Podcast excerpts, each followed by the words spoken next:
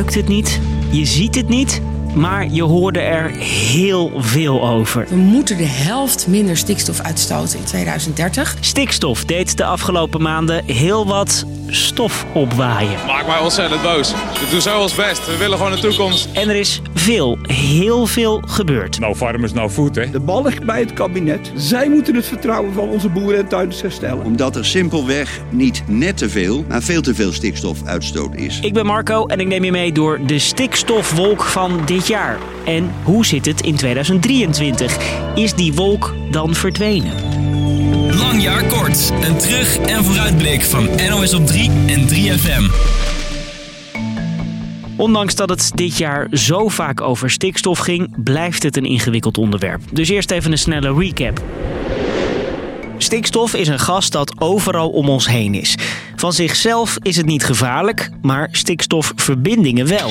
Die ontstaan bij verbranding, bijvoorbeeld in de motoren van auto's, vliegtuigen of de uitstoot van fabrieken. Ook koeien, kippen en varkens stoten zo'n stikstofverbinding uit in de vorm van ammoniak.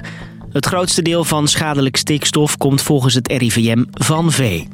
En te veel van die stikstofverbindingen, dat is voor de natuur en biodiversiteit een ramp. Daarom besluit in 2019 de hoogste bestuursrechter dat het kabinet per direct meer moet doen om de natuur te beschermen.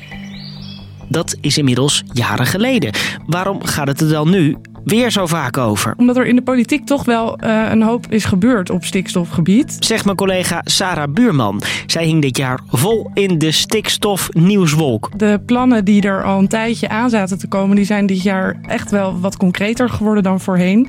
En dat vonden de boeren natuurlijk niet leuk om te horen. Want volgens minister Van der Wal moet de stikstofuitstoot flink omlaag, soms wel 70 procent. Vooral vlakbij kwetsbare natuurgebieden. En dat gaan duizenden boeren merken. Het zal voor een deel van onze boeren betekenen dat zij hun bedrijf niet kunnen voortzetten zoals zij dat deden.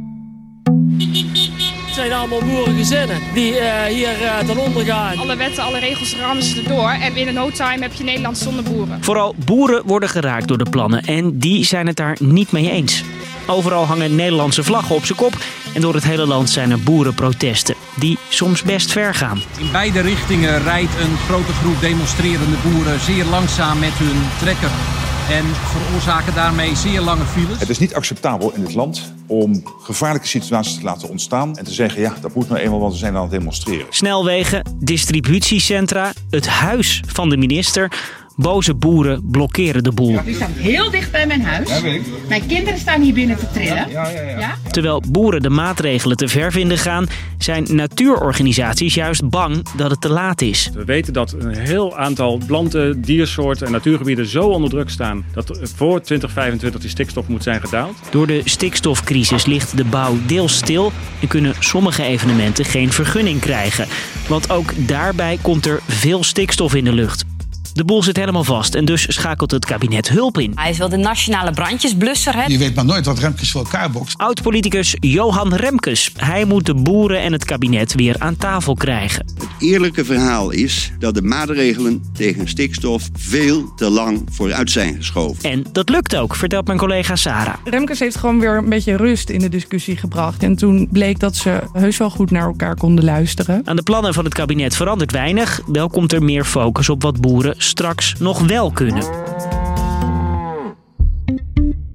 Kijk, 2023 is een transitiejaar. En 2023 echt een overgangsjaar, een transitiejaar. Volgens premier Rutte en minister Van der Wal wordt 2023 een spannend transitiejaar. Sarah, help. Wat bedoelen ze daarmee? Ze bedoelen daar eigenlijk mee dat dit het laatste jaar is waarin deze grote groep boeren de keuze kunnen maken, vrijwillig, van hoe ga ik nu verder met mijn bedrijf en ga ik überhaupt verder? Als boer heb je drie opties. Je bedrijf drastisch aanpassen, zodat je veel minder uitstoot.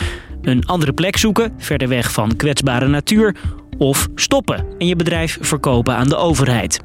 Maak je in 2023 geen beslissing, dan kan het kabinet je dwingen, legt de minister uit. Het verplichtend instrumentarium, dat moet je inderdaad aankondigen om uiteindelijk in te zetten als aan het eind van 2023 blijkt dat de vrijwilligheid ja, onvoldoende oplevert. Om, zoals met Remkes afgesproken, boeren meer perspectief te geven, komt er ook een landbouwakkoord. Vroeg in het jaar gaan we daar wat van horen. Allerlei boerenorganisaties, maar ook supermarkten en andere bedrijven uit de sector, die zijn nu aan het praten over de toekomst van de landbouw. Dus hoe kunnen boeren nog uh, op een normale manier hun geld verdienen?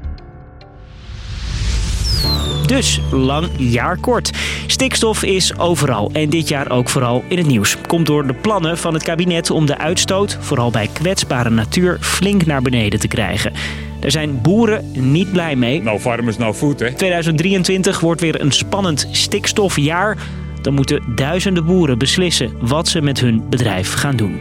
En dat was de podcast weer. Deze hele week vind je een extra bonusaflevering van je favoriete podcast met een terug- en vooruitblik. En vind je dat nog niet genoeg? Zet dan zaterdag 3FM aan en luister de hele middag naar het NOS op 3 jaaroverzicht. Gelukkig nieuwjaar!